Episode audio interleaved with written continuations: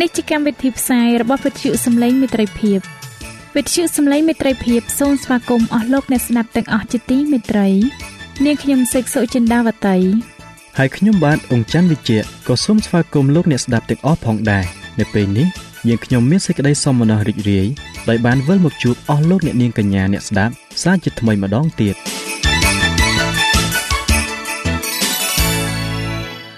នាងខ្ញុំសេកសុចិន្តាវតី សូមជម្រាបជូនកម្មវិធីផ្សាយដែលមានជាបន្តបន្ទាប់ដូចតទៅនេតិជួបជាមួយព្រះបន្ទូលនេតិសុខភាពចា៎លោកអ្នកស្ដាប់ជាទីមេត្រី នាងខ្ញុំសូមគោរពអញ្ជើញអស់លោកលោកស្រី អ្នកនាងកញ្ញាតាមដានស្ដាប់កម្មវិធីផ្សាយរបស់វិទ្យុយើងខ្ញុំដូចតទៅ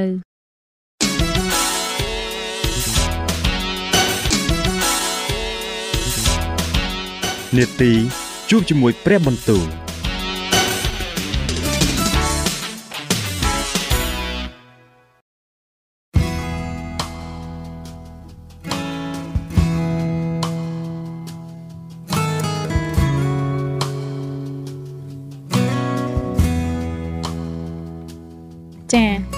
ស់លោកអ្នកស្ដាប់ជាទីមេត្រី ជាដំបូងនាងខ្ញុំសូមអញ្ជើញលោកអ្នកនាងស្ដាប់នេតិជួបជាមួយព្រះបន្ទូល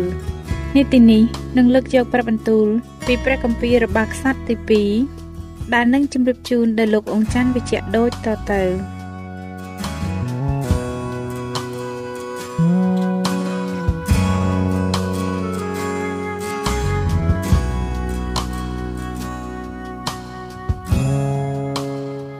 ព្រះគម្ពីររបស់ខ្សត្រទី2ចំពុកទី29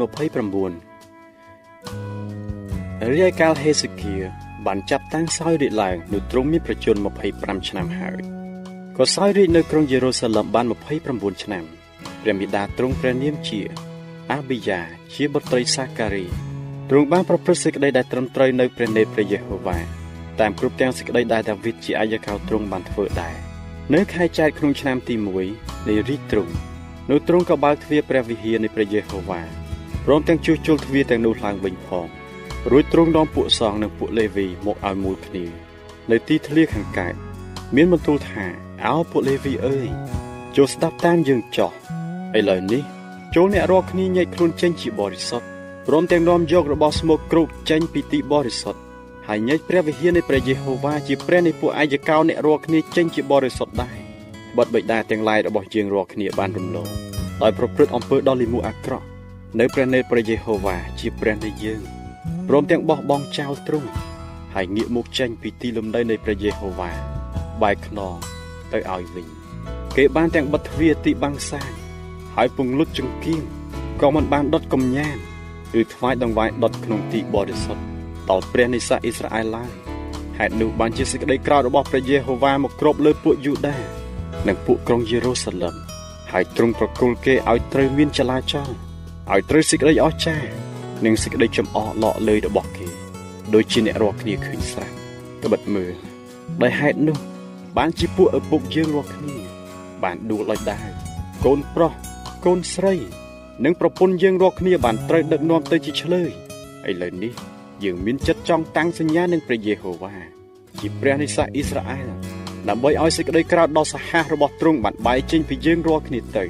ដូច្នេះអោកូនទាំងឡាយអើយកុំឲ្យធ្វេសប្រហែសឡើយបិទព្រះយេហូវ៉ាបានរើសអ្នករាល់គ្នាឲ្យឈរធ្វើការងារនៅចំពោះទ្រង់ហើយឲ្យបានទទួលភ្នាក់ងារជាអ្នកដុតកម្ញានរបស់ទ្រង់នោះពួកលេវីក៏ប្រុងប្រៀបខ្លួន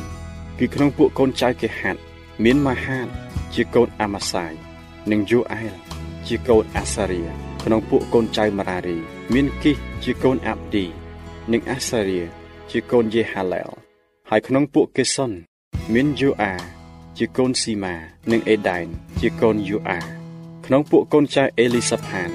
មានស៊ីមរីនិងយីអែលក្នុងពួកកូនចៅអេសាប មានសាការីនិងម៉ាថាណាក្នុងពួកកូនចៅហេម៉ាន មានយីអែលនិងស៊ីម៉ាយក្នុងពួកកូនចៅយេដូថិន មានសេម៉ាយ៉ានិងអ៊ូសៀល អ្នកទាំងនោះក៏ប្រមូលពួកបងប្អូនគេហើយញែកខ្លួនចេញជាបរិសុទ្ធរួចចូលទៅសម្អាតព្រះវិហារនៃព្រះយេហូវ៉ាតាមព្រះបន្ទូលនៃព្រះយេហូវ៉ាដោយសារស្ដេចពួកសង្ឃគេចូលទៅក្នុងព្រះវិហារនៃព្រះយេហូវ៉ាបែកខាងក្នុងដើម្បីនឹងសម្អាតទីនោះ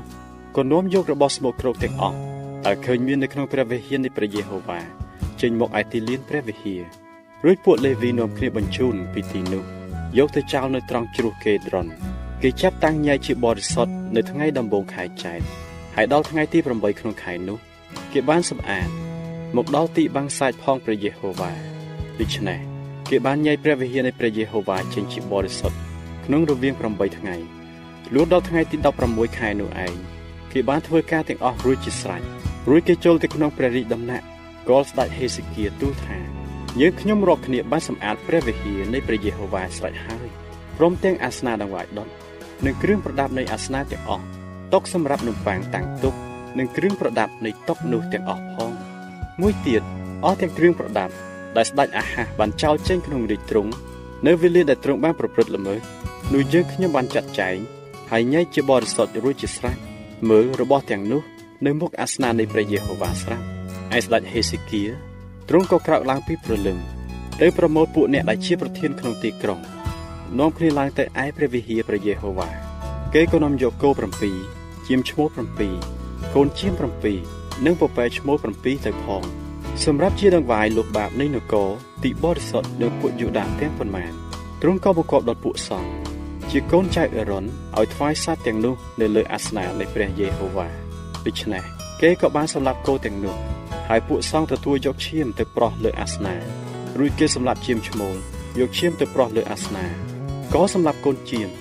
យកឈាមទៅប្រោះលើអាសនៈដែរបន្ទាប់មកគេនាំពពែឈ្មោលដែលសម្រាប់ដង្វាយលោកបាបទាំងនោះមកនៅចំពោះស្ដេចនិងពួកជំនុំហើយអ្នកទាំងនោះក៏ដាក់ដៃលើ ពួកសង្ឃសម្លាប់វាថ្វាយជាដង្វាយលោកបាប មានជាប់ទាំងឈាមនៅលើអាស្នាដើម្បីឲ្យធូរនឹងបាបនៃពួកអ៊ីស្រាអែលទាំងអស់ត្បិតស្ដេចទ្រង់បានបង្គាប់ឲ្យថ្វាយដង្វាយដុតនិងដង្វាយលោកបាបទាំងនោះសម្រាប់ពួកអ៊ីស្រាអែលទាំងអស់ ទ្រង់ក៏តាំងពួកលេវីឲ្យកាន់ឈឹងពិននិងសុងនិងសុងនៅក្នុងព្រះវិហារនៃព្រះយេហូវ៉ាតាមបង្គាប់ដាវីតនឹងកាត់ជាអ្នកមួយឈុតរបស់ទ្រង់ហើយនឹងហៅរ៉ាណាថានត្បិតសេចក្តីបង្គាប់នោះបានកើតមកពីព្រះយេហូវ៉ាដោយសារពួកហៅរ៉ាទ្រង់ដូច្នេះពួកលេវីក៏ឈរនៅ មានទាំងប្រដាប់ភ្លេងរបស់ដាវីតហើយពួកសង្ឃក៏មានត្រែរួចហេសេគៀទ្រង់បង្គាប់ឲ្យថ្វាយដង្វាយដុតលើអាសនារីឯការចាត់តាំងដុតដង្វាយ នោះចម្រៀងនៃព្រះយេហូវ៉ាក៏ផ្ដើមលឺឡើងព្រមទាំងត្រែនិងគ្រឿងភ្លេងរបស់ដាវីតជាស្ដេចសាអ៊ីស្រាអែលផងពួកជំនុំទាំងអស់គ្នាគេក្រាបថ្វាយបង្គំពួកចម្រៀងក៏ច្រៀងពួកផ្លុំត្រែក៏ផ្លុំឡើងព្រមគ្នាដរាបដល់ដង្វាយដុតបានសោះអស់កាលបានថ្វាយដង្វាយដុតរួចជាស្រេចនោះស្ដេចនិងពួកអ្នកដែលនៅជាមួយទាំងប៉ុន្មានក៏អោនខ្លួនក្រាបចុះថ្វាយបង្គំមួយទៀតស្ដេចហេសេគៀនិងពួកអ្នកជាប្រធាន ក៏បង្គាប់ពួកលេវីឲ្យជាងសរសើរថ្វាយព្រះយេហូវ៉ាដោយទំនុករបស់ដាវីតនិងរបស់អេសាបជាអ្នកមើលឈុតគេក៏ច្រៀងសរសើរដោយចិត្តរីករាយសប្បាយរួចអោនក្បាលថ្វាយបង្គំនៅខណៈនោះហេសេគៀទ្រង់មានបន្ទូលឡើងថាឥឡូវនេះអ្នករាល់គ្នាបានថ្វាយខ្លួនដល់ព្រះយេហូវ៉ាហើយដូច្នេះចូលមកចិត្តនាំទាំងយ៉ាញ់បូជា និងដង្វាយអរព្រគុណចូលមកក្នុងព្រះវិហារនៃព្រះយេហូវ៉ាពួកជំនុំក៏នាំយកយ៉ាញ់បូជា និងដង្វាយអរព្រះគុណមកហើយអស់អ្នកណាដែលស្ម័គ្រពីចិត្តក៏នាំយកដង្វាយដុតមកដែរឯដង្វាយដុតដែលពួកជំនុំបានយកមកនោះមានចំនួនជាគោ70ជាមឈ្មោល100និងកូនជាម200នោះឯងសុទ្ធតែសម្រាប់ជាដង្វាយដុតថ្វាយដល់ព្រះយេហូវ៉ាទាំងអស់ហើយដង្វាយដែលថ្វាយដាច់ទៅព្រះនោះគឺគោ600និងឈាម3000ប៉ុន្តែមានពួកសង្ឃតិចមិនល្មមនឹងពន្លាត់ស្បែកដង្វាយដុតទាំងអស់បានបានជាពួកលេវីជាបងប្អូនគេក៏ជួយ រហូតដល់ការនោះបានសម្រេចនិងដល់វេលាដែលពួកសង្ឃបានញែកខ្លួនជាបរិសុទ្ធហើយត្បិតពួកលេវីមានចិត្តស្មោះត្រង់ជាងពួកសង្ឃដើម្បីនឹងញែកខ្លួនចេញជាបរិសុទ្ធមួយទៀតមានដង្វាយដុតជាច្រើនព្រមទាំងខ្លាញ់ដង្វាយមេត្រីនិងដង្វាយជ្រួចសម្រាប់គ្រប់ទាំងដង្វាយដុតផងដូច្នេះការងារក្នុងព្រះវិហារនៃព្រះយេហូវ៉ាបានតាំងឡើងវិញដូចដើមហើយហេសេគៀនិងពួកជនទាំងឡាយក៏មានសេចក្តីរីករាយសប្បាយដោយព្រោះព្រះបានបណ្ដាលឲ្យគេមានចិត្តព្រមព្រៀងគ្នា ធ្វើឡើងត្បិតការនោះស្រាប់តែធ្វើភ្លាមព្រះគម្ពីររបស់ខ្សត្រទី2ចំពុកទី30ហេសេគៀក៏ចាត់គេឲ្យទៅឯពួកអ៊ីស្រាអែលហើយនិងពួកយូដាទាំងអស់ក៏ផ្ញើព្រះរាជសារដល់ពួកអេប្រាអឹមនិងពួកម៉ាណាសេឲ្យមកឯព្រះវិហារនៃព្រះយេហូវ៉ានៅក្រុងយេរូសាឡឹមដើម្បីនឹងធ្វើបុណ្យរំលងថ្វាយព្រះយេហូវ៉ាជាព្រះនិស្ស័យអ៊ីស្រាអែលត្បិតស្ដេចនិងពួកអ្នកជាប្រធាន ហើយនឹងពួកជំនុំទាំងអស់គ្នា ដែលនៅក្រុងយេរូសាឡឹមបានប្រឹក្សាសម្រាប់នឹងធ្វើបុណ្យរំលងនៅខែទី2ពីព្រោះគេធ្វើនៅវេលានោះឯងពុំបានដោយព្រោះពួកសង្ឃមិនទាន់ញែកខ្លួនចេញជាបរិសុទ្ធឲ្យបានគ្នាល្មមនៅឡើយហើយពួកបណ្ដាជនក៏មិនទាន់បានមូលគ្នានៅក្រុងយេរូសាឡឹមផងតែដំណើរនោះស្ដេចព្រមទាំងពួកជំនុំទាំងអស់គ្នាក៏យល់ឃើញថាត្រឹមត្រូវដែរដូច្នេះក៏ចេញច្បាប់ឲ្យប្រកាសប្រាប់នៅពេញក្នុងស្រុកអ៊ីស្រាអែល ចាប់តាំងពីក្រុងបៀសេបារហូតដល់ក្រុងដានឲ្យមកធ្វើបុណ្យរំលងថ្វាយព្រះយេហូវ៉ាជាព្រះនៃសាសអ៊ីស្រាអែលនៅក្រុងយេរូសាឡឹមបិទជាយូរយារមកហើយ គេមិនបានធ្វើបុណ្យនោះដូចជាមានសេចក្តីចែងទុកមកនោះទេដូច្នេះពួករត់សម្បត្តិក៏ទទួលយកសម្បត្តិពីព្រះហស្តស្ដេចនិងពីពួកអ្នកជាប្រធាន ចេញទៅពេញក្នុងស្រុកអ៊ីស្រាអែលនិងស្រុកយូដាតាមបង្គាប់ស្ដេចដោយពាក្យថា ពួកកូនចៅអ៊ីស្រាអែលអើយ ចូលត្រឡប់មកឯព្រះយេហូវ៉ាជាព្រះនៃអាប់រ៉ាហាំនៃអ៊ីសាក់និងអ៊ីស្រាអែលវិញដើម្បីឲ្យទ្រង់បានវិលមកឯសំណល់ពួកអ្នករាល់គ្នា ដែលបានរួចពីកណ្ដាប់ដៃនៃពួកស្ដេចស្រុកអាសឺកុំឲ្យអ្នករាល់គ្នាធ្វើដូចជាពួកឪពុកនិងពួកបងប្អូនអ្នករាល់គ្នាដែលរំលងនឹងព្រះយេហូវ៉ាជាព្រះនៃពួកឯយកោគេ ដល់ម្លេះបានជាទ្រង់បោះបង់ចោលគេឲ្យត្រូវវឹងស៊ុងដូចជាឯងរាល់គ្នាបានឃើញស្រាប់នោះឡើយឥឡូវនេះ កុំឲ្យអ្នករាល់គ្នាមានចិត្តរឹងរូសដូចជាឪពុកអ្នករាល់គ្នាឡើយគឺត្រូវឲ្យប្រគល់ខ្លួនដល់ព្រះយេហូវ៉ាវិញ ហើយចូលមកក្នុងទីបរិសុទ្ធរបស់ទ្រង់ដែលទ្រង់បានញែកជាបរិសុទ្ធទុកជាដរាបទៅ ហើយត្រូវគោរពប្រតិបត្តិដល់ព្រះយេហូវ៉ាជាព្រះនៃអ្នករាល់គ្នាដើម្បីឲ្យសេចក្តីក្រោធរបស់ទ្រង់បានបែកចេញពីអ្នករាល់គ្នាទៅត្បិតបើអ្នករាល់គ្នាវិលមកឯព្រះយេហូវ៉ាវិញនោះទាំងបងប្អូននិងកូនចៅអ្នករាល់គ្នាផង នឹងបានសេចក្តីមេត្តាករុណានៅចំពោះពួកអ្នកដែលបាននាំឯងទៅជាឆ្លើយហើយនឹងត្រឡប់វិលមកឯស្រុកនេះវិញពីព្រោះព្រះយេហូវ៉ាជាព្រះនៃអ្នករាល់គ្នាទ្រង់មានព្រះハរតីទុនសន្តោសហើយមេត្តាករុណាបើសិនជាអ្នករាល់គ្នាវិលមកឯទ្រង់វិញនោះទ្រង់មិនបែរព្រះភ័ក្រចេញពីអ្នករាល់គ្នាឡើយដូច្នេះពួករត់សម្បត្តិក៏ទៅពីក្រុងមួយដល់ក្រុងមួយកាត់ទាំងស្រុកអេប្រាអឹមនិងស្រុកម៉ាណាសេផងរហូតដល់ស្រុកសាប់យូលូន តែអ្នកស្រុកទាំងនោះគេសើចលោឲ្យហើយមើលងាយផងប៉ុន្តែ មានមនុស្សខ្លះក្នុងពួកអេសើពួកម៉ាណាសេ និងពួកសាប់យូលូនដែលបន្ទាបខ្លួន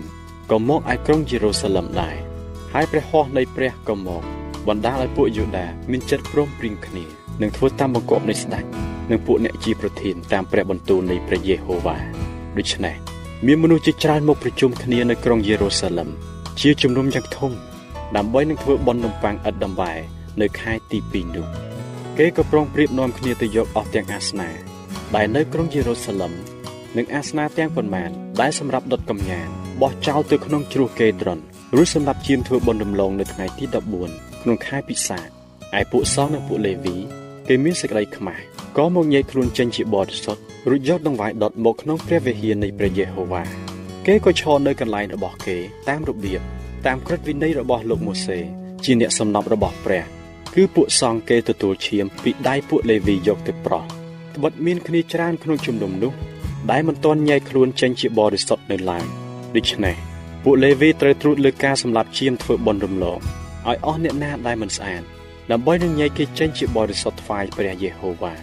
មានបណ្ដាជនយ៉ាងសន្ធឹកក្នុងពួកអេប្រាអឹមពួកម៉ាណាសេពួកអេសាខា និងពួកសាប់យូលូន ដែលមិនបានសម្អាតខ្លួនទេប៉ុន្តែគេបានបរិភោគបណ្ដរំលងនោះដែរបើខននឹងរបៀបដែលចែងទុកមកប៉ុន្តែហេសេគៀទ្រង់អធិដ្ឋានឲ្យគេថា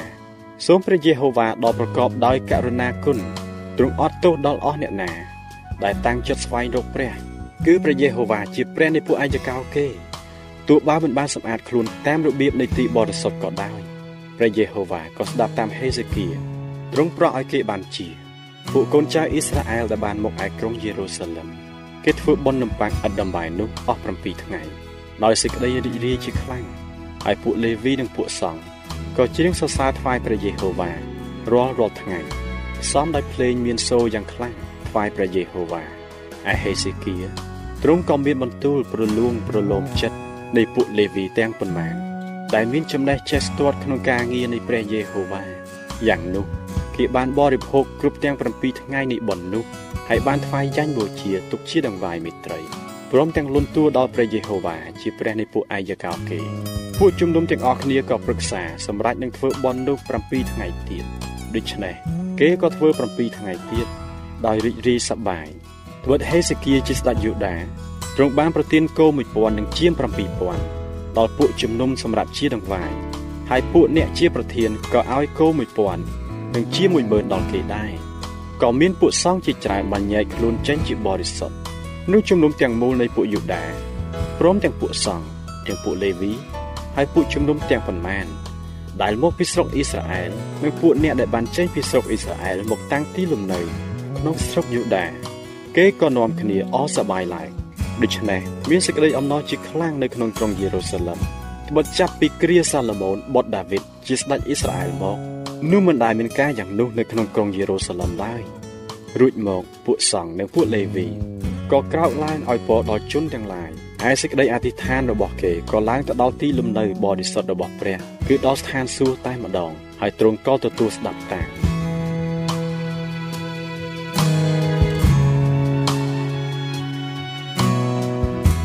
ចា៎ប្រិយមិត្តអ្នកស្ដាប់ជាទីមេត្រី ដោយពេលវេលាមានកំណត់ យើងខ្ញុំសូមផ្អាកនេតិជប់ជាមួយព្រះបន្ទូលនេះត្រឹមតែប៉ុណ្ណេះសិនចុះដោយសន្យាថានឹងលើកយកនីតិនេះមកជម្រាបជូនជាបន្តទៀតនៅថ្ងៃស្អែកសូមអរគុណ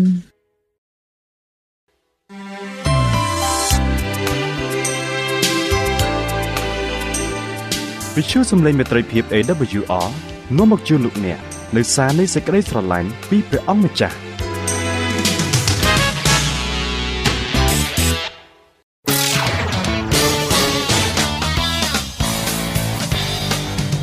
សូមជូននីតិសុខភាព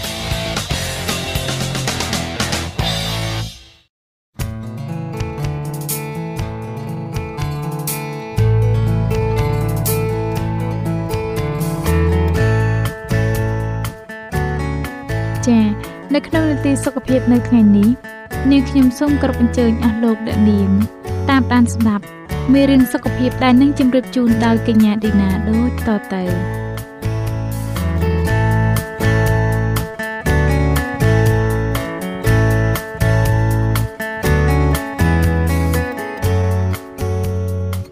នេះខ្ញុំសូមជម្រាបសួរអស់លោកអ្នកស្ដាប់ជាទីមេត្រីសូមឲ្យលោកអ្នកបានប្រកបដោយប្រគុណនិងសេចក្តីសុខសាន្តអំពីព្រះដ៏ជាព្រះវរបិតានៃយើងហើយអំពីព្រះអង្គម្ចាស់យេស៊ូវគ្រីស្ទនេះខ្ញុំមានអំណរណាស់ដែលបានមកជួបលោកអ្នកសាជាថ្មីនៅក្នុងនាទីសុខភាពនេះម្ដងទៀត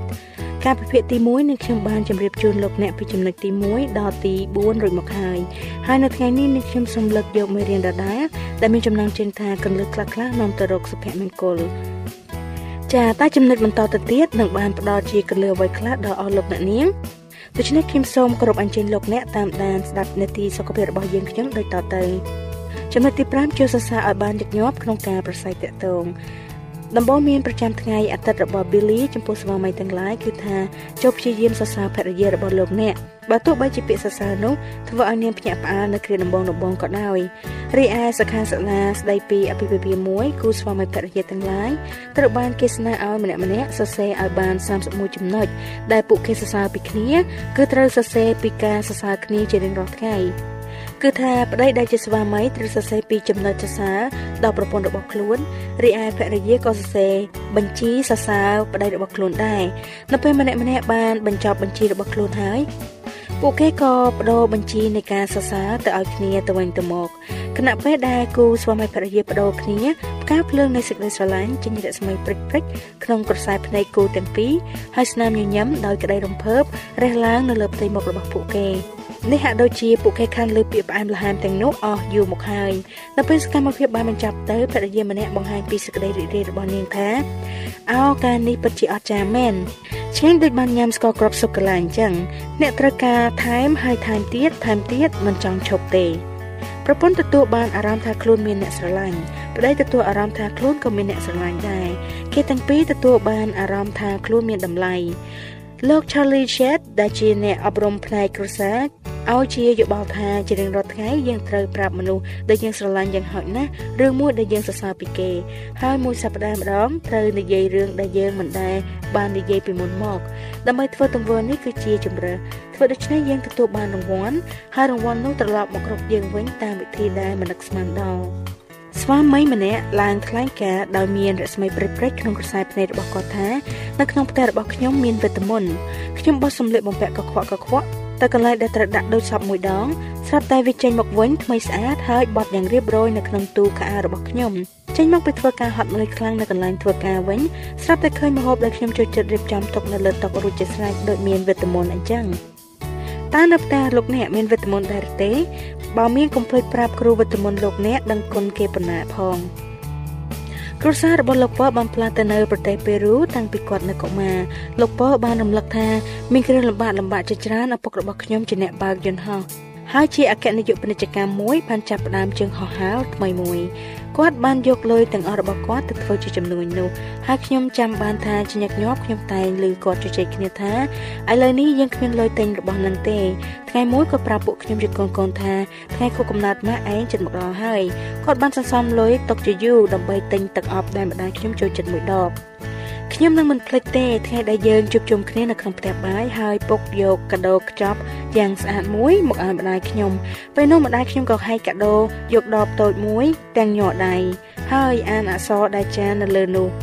ក្តីរំភើបនិងភ្ញាក់ផ្អើលបានបង្ហាញលើផ្ទៃមុខរបស់គាត់យ៉ាងច្បាស់ប្រឡែតពេលនោះចៃដនអីស្រាប់តែទឹកអប់ធ្លាក់ពីដៃម្ដាយខ្ញុំបែកខ្ចាយទៅលើកំរាការ៉ូ ពេលខ្ញុំចំហមាត់ស្ទើរតែមិនជឿដោយមិនបងអង្គយូឪពុករបស់ខ្ញុំរត់ជង្គង់ចោលហើយយកម្រាមដៃប្រឌិតយកទឹកអប់ខ្លះដែលកំពុកហើយលាបថ្នមថ្នមលើម្ដាយខ្ញុំ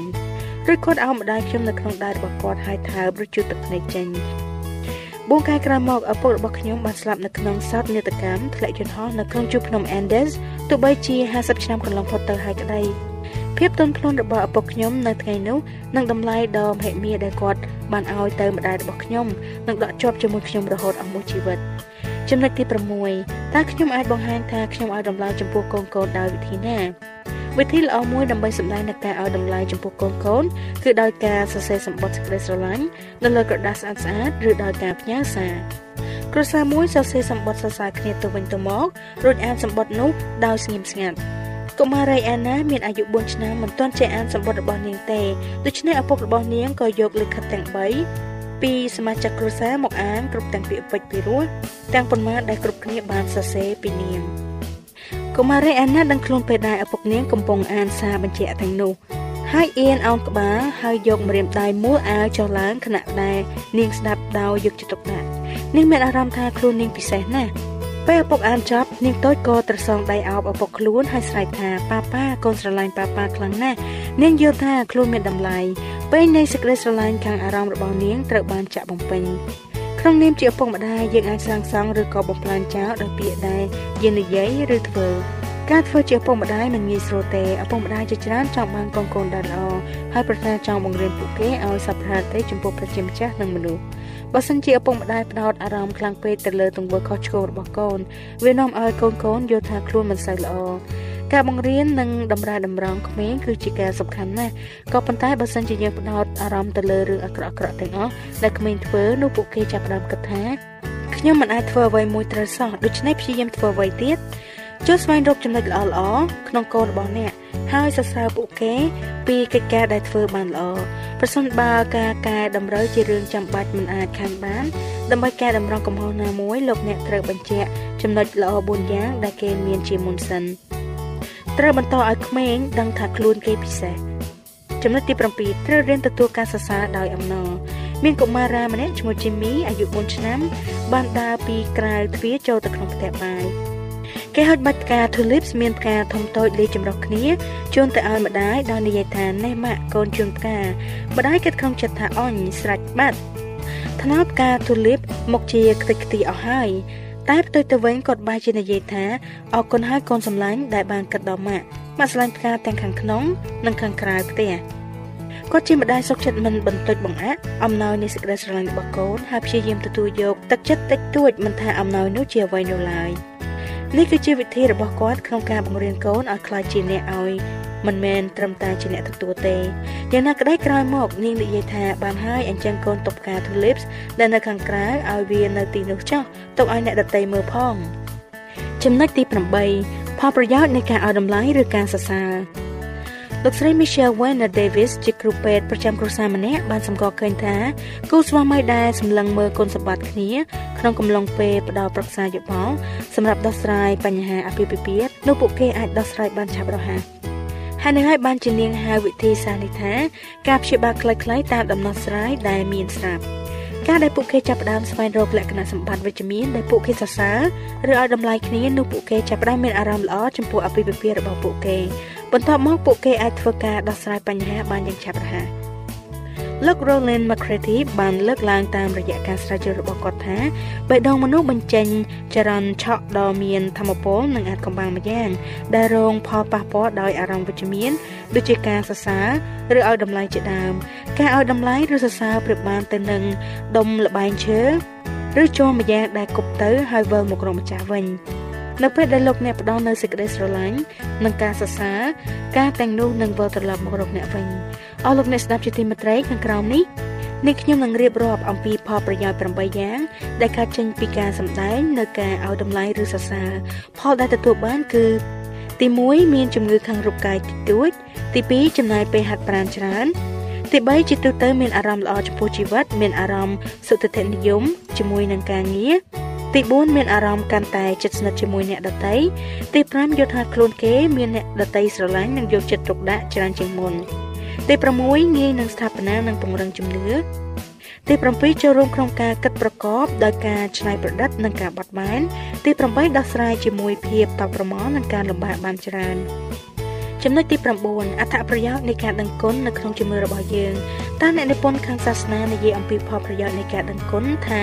យ៉ាងដូចម្តេចខ្លះអ្នកនិពន្ធខាងសាសនាម្នាក់ដែលបានសរសេរយ៉ាងទូលំទូលាយអំពីគ្រួសារថា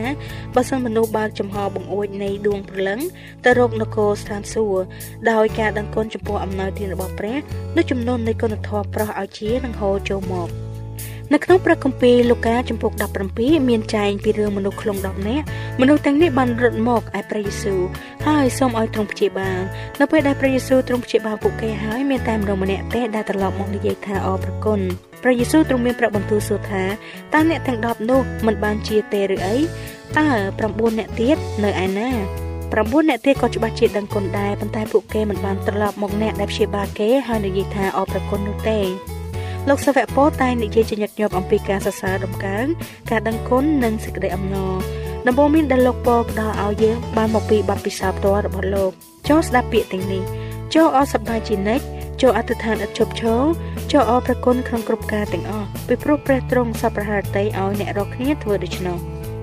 ការដឹងគុណគឺជាប់តកតងទៅនឹងសុខភាពផ្នែកអារម្មណ៍ ប៉ុន្តែវាបន្តនាំចូលមកក្នុងទំនាក់ទំនងគ្រួសារជោគជ័យនៅកន្លែងធ្វើការសុខភាពរាងកាយការបម្រើចំពោះអ្នកដទៃព្រមទាំងបានមកលើទំនាក់ទំនងរបស់យើងជាមួយព្រះនិងអ្នកដទៃទៀតផងចាអស់លោកអ្នកស្ដាប់ជាទីមេត្រីពេលវេលានៃនីតិសុខភាពរបស់យើងបានមកដល់ទីបញ្ចប់ហើយ